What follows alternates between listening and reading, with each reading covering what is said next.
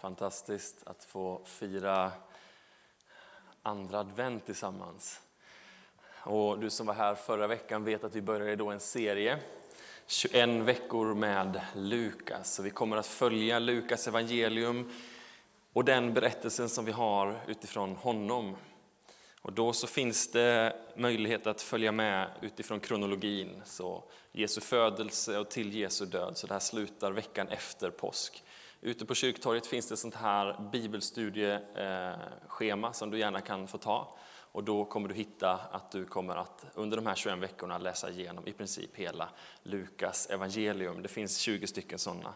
Tanken var egentligen att det skulle finnas vid, i en app vid det här laget och det finns vid appen men den fungerar inte tillräckligt bra så att du får nöja dig med pappersvarianten så länge. Förra veckan så talade vi om budskapet som är liksom sammanfattningen sammanfattningen av Lukas som finns i kapitel 4. Men nu så börjar vi från början, så nu är det från kapitel 1. Så texten som Sara läste, en del av predikotexten. Och nu ska vi fortsätta tala om Johannes och en röst som ropar ifrån öknen från kapitel 3. Om du vill får du jättegärna stå upp tillsammans med mig när vi läser den här texten. Lukas kapitel 3, vers 1. Under femtonde året av kejsar Tiberius regering, när Pontius Pilatus var ståthållare i Judeen, Heroden, Herodes tetrark i Galileen, hans bror Filippos i Itureen och Trakonikas och Lysanias i Albinee. Och när Hannas och Kajafas var överstepräster kom Guds ord till Sakarias son Johannes i öknen. Han begav sig till trakten kring Jordan och förkunnade överallt syndernas förlåtelse genom omvändelse och dop, som det står skrivet i boken med profeten Jesajas ord. En röst ropar i öknen, bana väg för Herren, gör hans stigar raka. Varje klyfta ska fyllas, varje berg och höjd ska sänkas Krokiga stigar ska rätas och steniga vägar jämnas och alla människor ska se Guds frälsning. En röst ropar i öknen. Herre, vi tackar dig för ditt ord och vi ber dig att det idag ska få ge oss liv. Att det ska vara det som leder och guidar både oss personligen och oss som församling. Herre, tack för att du har kallat oss tillsammans och du säger att när två eller tre är samlade, då är du här. I ditt namn ber vi. Amen. Varsågod och sitt.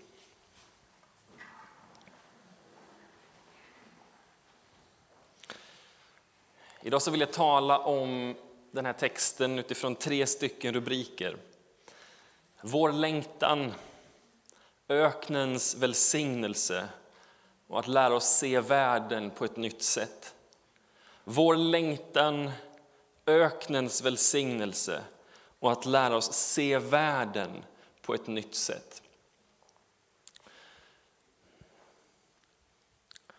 Det här är fjortonde året som jag är här.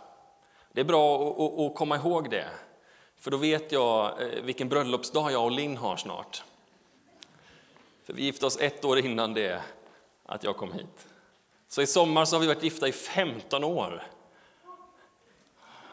Det är länge alltså. Det finns ju ni som varit gifta längre, men det fanns en tid då jag tyckte att tiden går långsamt och åren liksom så här, det, det fyller liksom aldrig på. Sen kom barnen och det bara liksom, sen så är, är, är det 15 år helt plötsligt.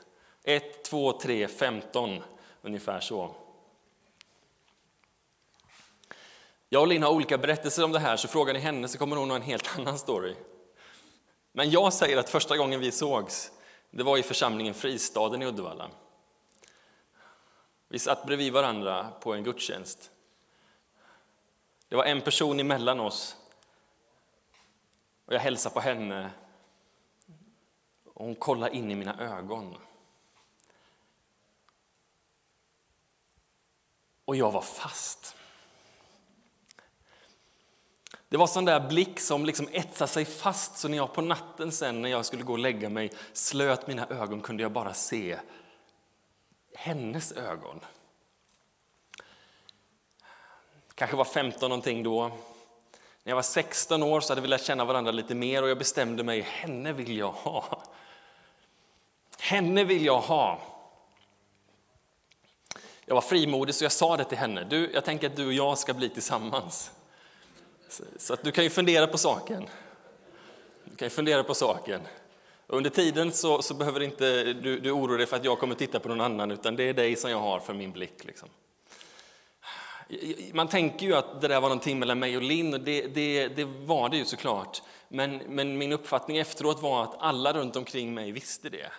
Hela kyrkan kunde se det. Alla visste att jag var kär i Linn. Och hon tyckte nog det var lite jobbigt att det blev så offentligt att jag liksom var lite överdrivet påstridig. Så. Sen kommer dagen.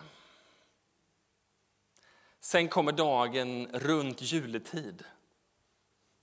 Det borde ju fira typ 16-17 års jubileum nu. Men det var ingen rolig dag.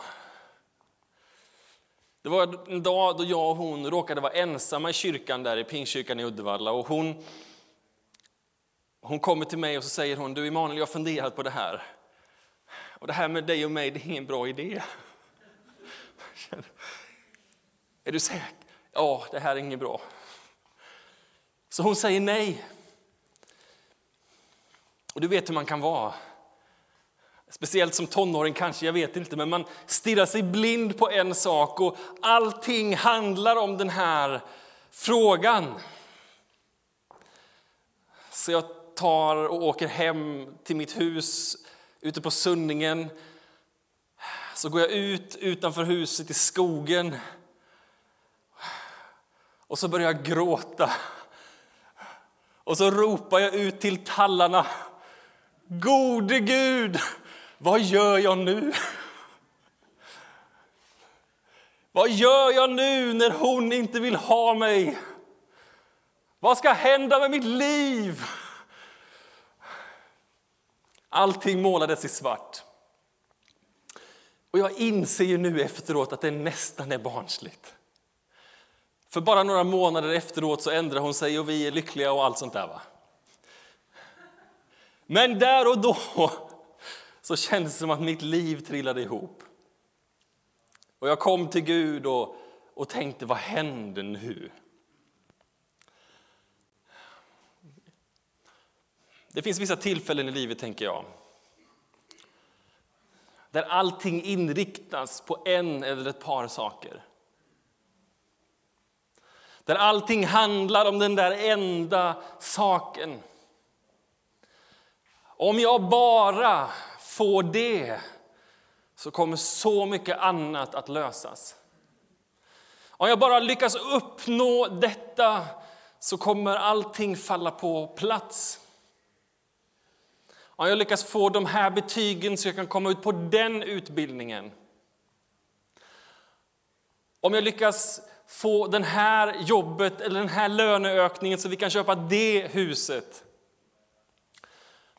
Om jag kan få det här liksom karriärsteget så skulle det betyda mycket för framtiden.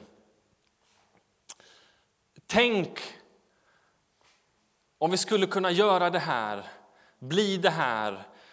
Och Jag tror att vi alla har de där olika bitarna som är våra saker. Tänk om bara det här hade hänt. Tänk om vi bara hade kunnat få vara friska. Tänk om bara inte den eller den hade dött. Tänk om vi hade kunnat få barn.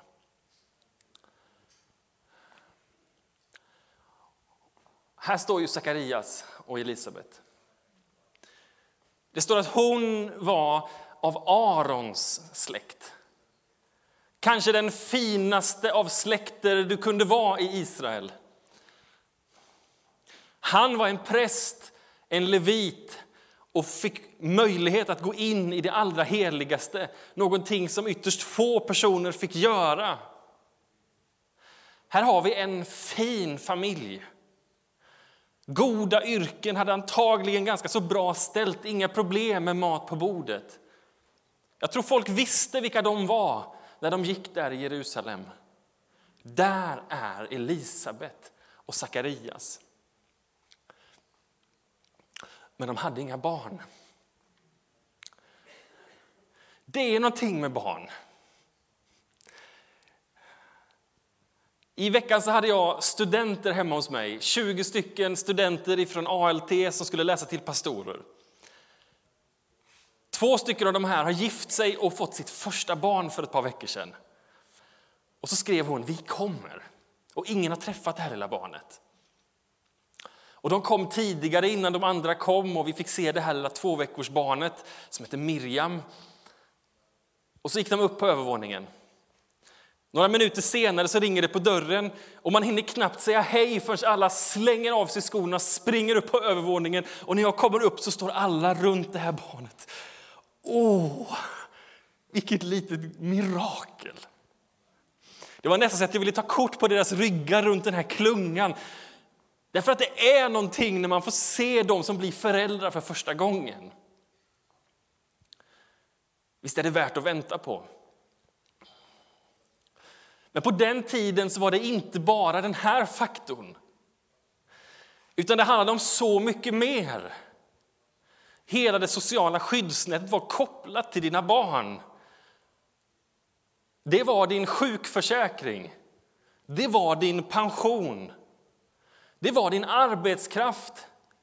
Det var barnen som jobbade på åken, det var barnen som tog hand om dig om du var sjuk och det var barnen som tog hand om dig när du blev äldre. Om du inte hade någon, några barn, hur skulle du kunna klara dig då? Man brukar tala om den här trion, den faderlöse, fattige och änkan. Så de mest utsatta, möjligtvis skulle man här säga även den barnlöse som var utsatt i det samhället som var där och då. Den sista delen som blir tydlig i texten som vi läste här handlar om att det inte bara är en social sak utan det handlar om att mitt liv fortsätter i och med mina barn. Vad ska vi döpa honom till? frågar de. Vi ska döpa honom till Johannes och de blir förbryllade. Nej, han ska döpas till Sakarias. Det var en bild för att mitt liv fortsatte i mina barn. Att min ande och min så att säga, legacy gick vidare till mina barn. Men de säger nej, han ska heta Johannes. Här står det här paret utan det de hade önskat men fick bönesvar. Och du och jag kanske har fått det som vi har bett om men det finns många av oss som fortfarande har den här bönen i våra liv om jag bara skulle få. Om vi stannar upp inför det där. Om jag bara skulle få, ja vad skulle hända då? Om jag bara skulle få det som jag önskar, vad skulle hända då?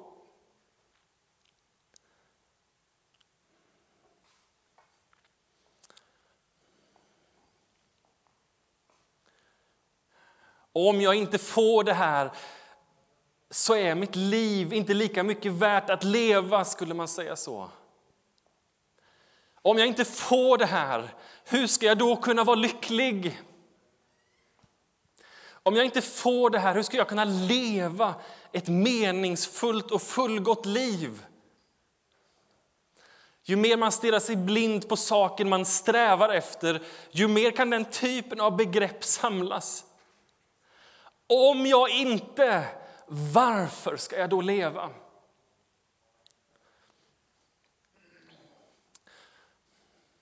Det här är någonting som andra kanske kan säga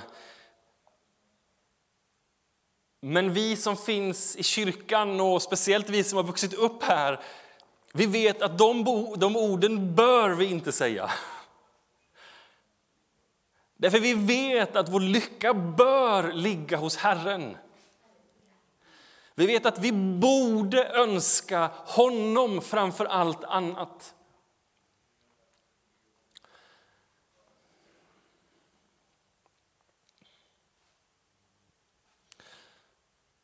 Så här står det i salmen 73 eh, och 23. Men nu är jag alltid hos dig. Du håller mig vid handen, du leder mig efter din vilja. Du är för mig härlighetens väg. Äger jag dig i himlen önskar jag ingenting på jorden. Äger jag dig i himlen önskar jag ingenting på jorden.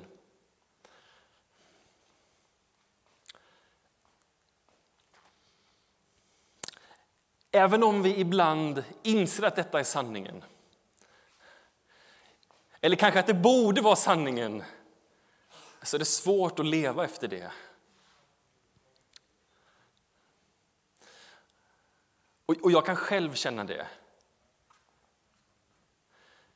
Nu delar jag en personlig brottning här. Du får ta det för vad det är.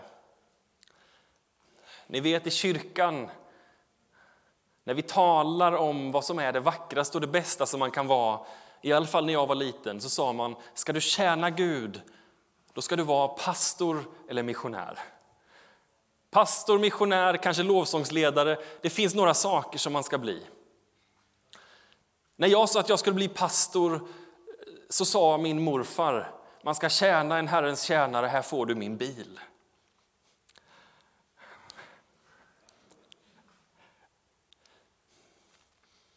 Och så inser jag att, att även det där med att tjäna Gud kan bli till att klättra i en hierarki. Även det kan bli en sån där sak som man gör för att få någonting annat än Gud.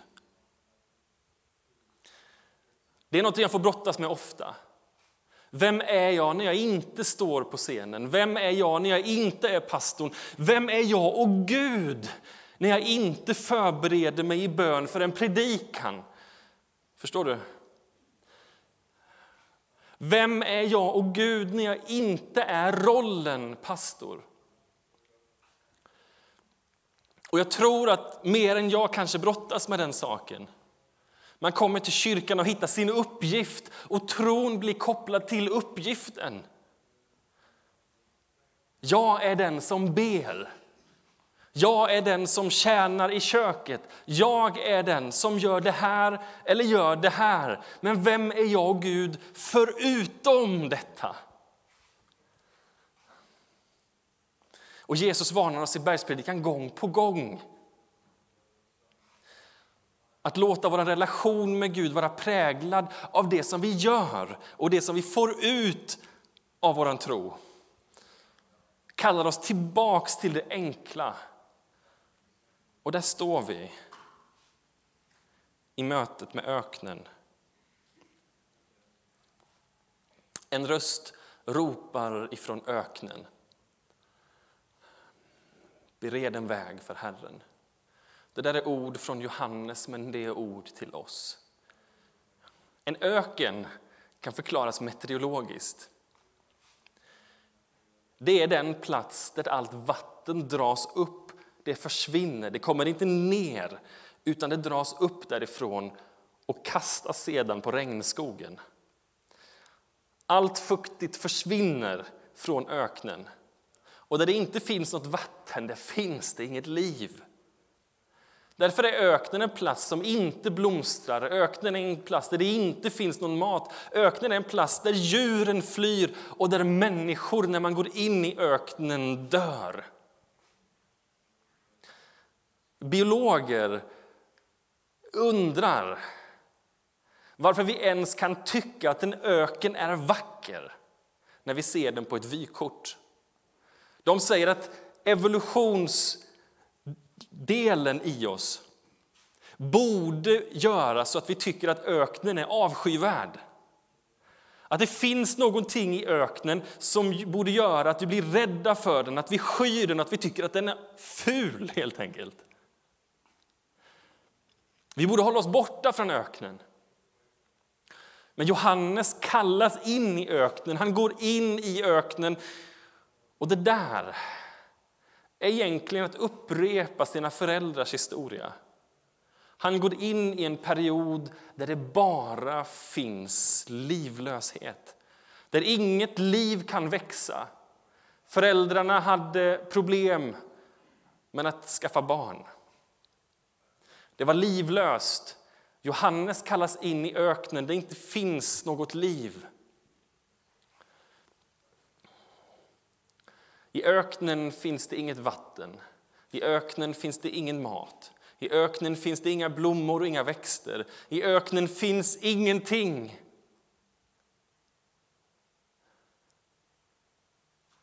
Förutom Gud och en väldig massa sand. Var skulle jag komma undan din närhet? Var skulle jag fly för din blick? Stiger jag upp till himlen finns du där. Lägger jag mig i dödsriket är du också där. Tog jag mig morgonrodnadens vingar Gick jag till vila ytterst i havet, då skulle du nå mig även där och gripa mig med din hand. Om jag säger mörker må täcka mig, ljuset omkring mig blir natt, så är inte mörkret mörkt för dig. Natten är ljus som dagen, själva mörkret är ljus. Han ger sig ut i öknen. I öknen finns inga lyckliga förhållanden. I öknen finns ingen god utbildning. I öknen finns ingen lyckad religiös eller annan karriär för den delen. I öknen finns vare sig barn eller föräldrar. I öknen finns ingenting. Och det är poängen. Öknen ransakar oss. Öknen gör att det enda vi kan hitta där förutom död är livet ifrån Gud. Att hitta källan Källan till glädje, när ingen annan glädje finns.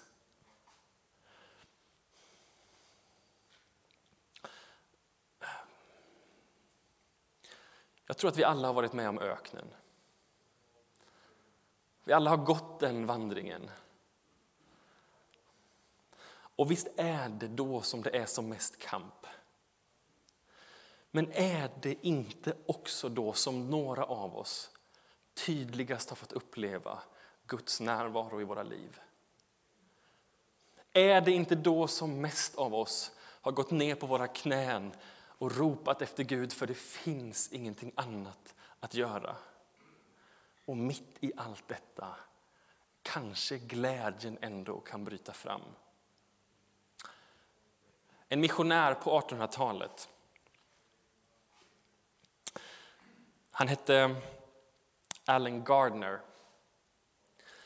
En engelsman som bestämde sig för att göra skillnad för urfolken både i Afrika och Sydamerika. Han åkte till Zulu-stammen i Afrika, en våldsam krigsstam och försökte att vinna deras hövding för tron. Han var på många andra platser och sen bestämmer han sig för att åka till en plats nära, nu ska vi se, Tierra del Fuego. Ingen aning vad det är för ställe. Han och ett gäng med honom hyr ett skepp, eller hyr platser på ett skepp. De bestämmer sig för att ta med sig massa last och för att åka till den här ön där det bara finns den här stammen som de ska evangelisera för, missionera för. De har bestämt sig för att de ska ha mat för fyra månader och sen ska det komma en ny, ett nytt skepp och fylla på deras matförråd. Så de åker och så blir de ilandsatta på det här, den här ön. De bygger upp sin, eh, sitt läger och sen så kommer de här som bor på ön och de börjar att besjäla dem på deras mat. Så de tar hela deras matförråd så på bara någon eller ett par veckor så är all mat borta. De sitter där på den här ön utan mat och har ingen aning om hur de ska skaffa sig mat på den här ön.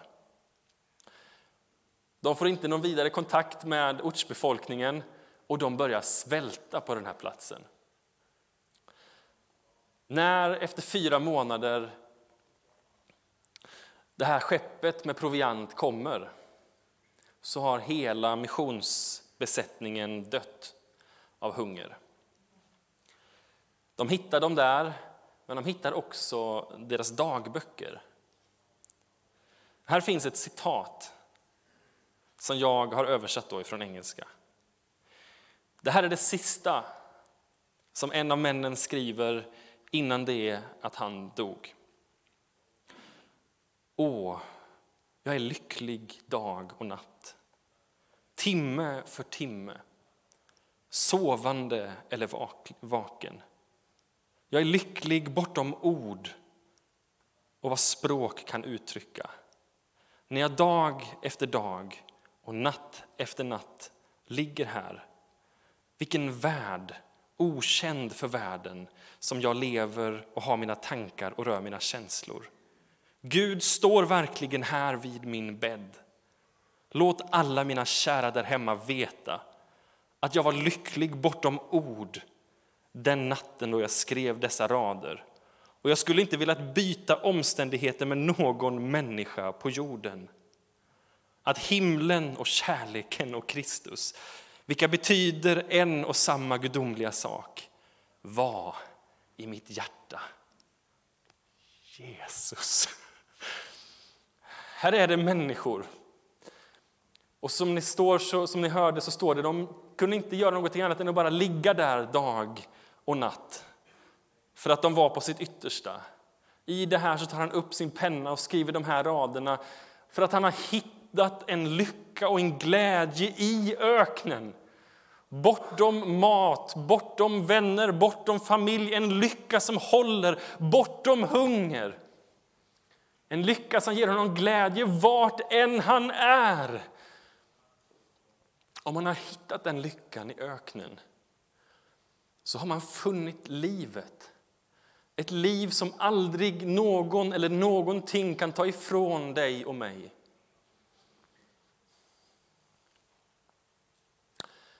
Men visst finns det en fara här. Det finns en fara här att vår ökenerfarenhet, din och min kamp kan beröva oss vår seger. Att vi lurar oss själv, att vi tänker att vi vänt vårt hjärta till Gud. Vi böjer våra knän, vi ropar till honom och vi säger Gud hjälp oss. Hjälp oss att få det ena och få det andra och få det tredje. Och man får Gud och allt det andra också. Men när man lämnar öknen så lämnar man Gud tillsammans med öknen. Man går därifrån. Man kommer till ett nytt liv och man känner att man har fått det som man bad om. Varför ska man då återkomma till Gud? Varför ska man då hålla honom nära hjärtat när man har fått det som man har bett om? Faran är då att man byter ut den stora glädjen mot den mindre glädjen och tror sig vara lycklig när man egentligen har tappat den stora lyckan. Jag tror många av oss hamnar där någon gång. Att vår kamp blev till vår seger, men vi tappade bytet.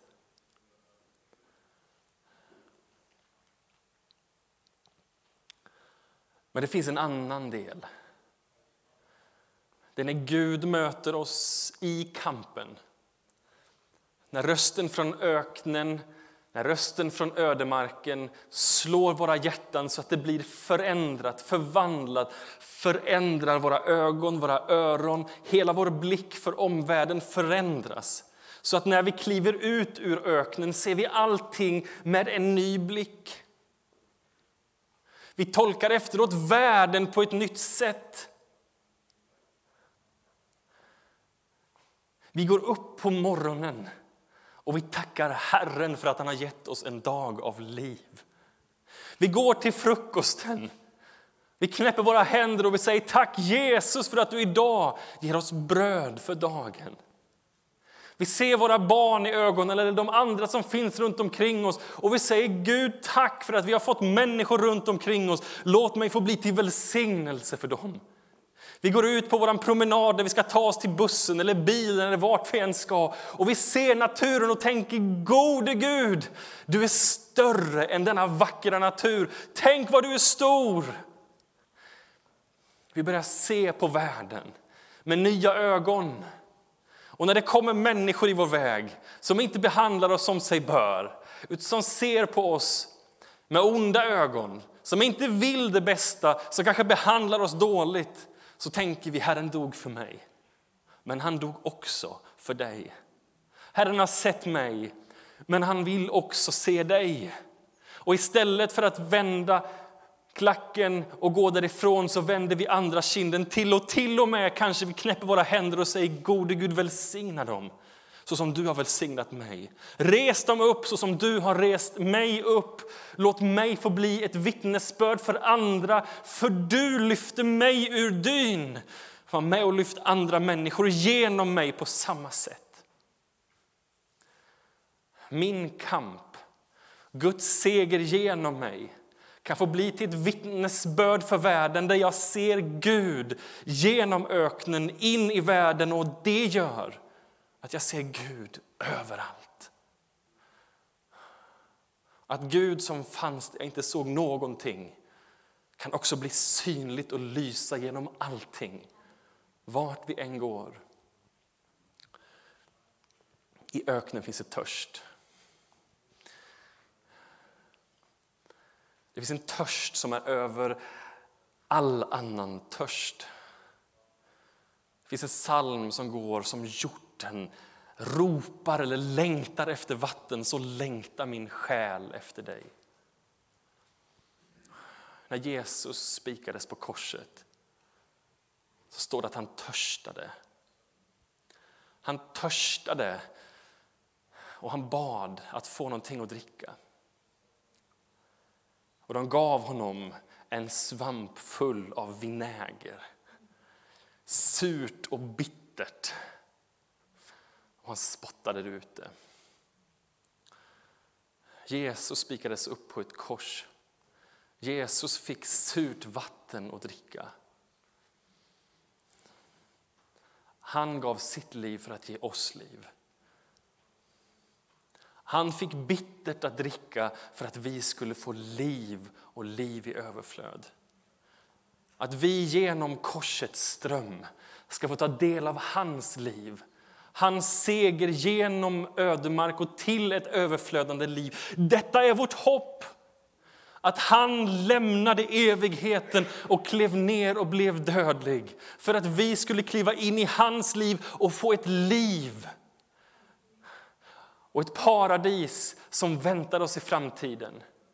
Därför, och detta är slutet, kan vi veta att hur mycket vi än går miste om så har han förberett det bästa åt oss i framtiden. Hur många besvikelser vi än får vara med om i världen han håller vårt liv i sin hand och han lovar oss seger i framtiden.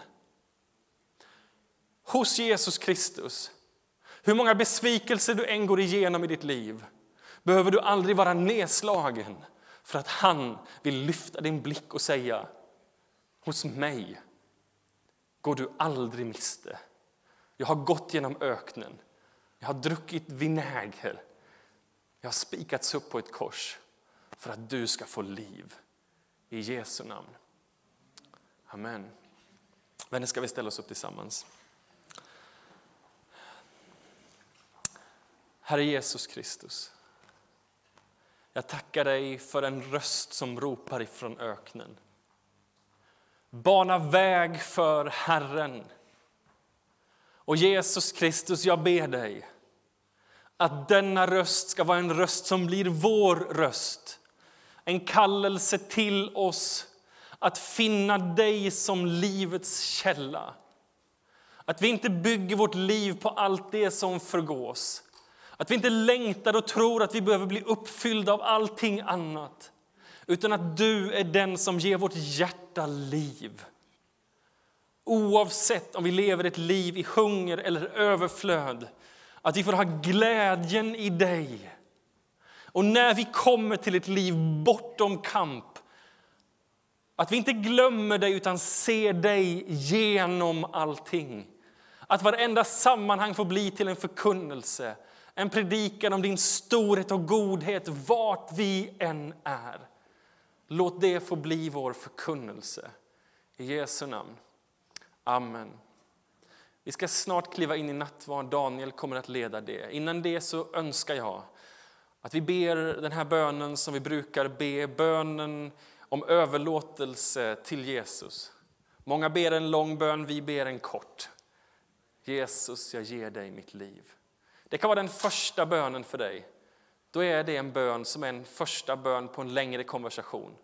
Om det är första gången du ber den från hjärtat idag, kom och nämn det för mig sen.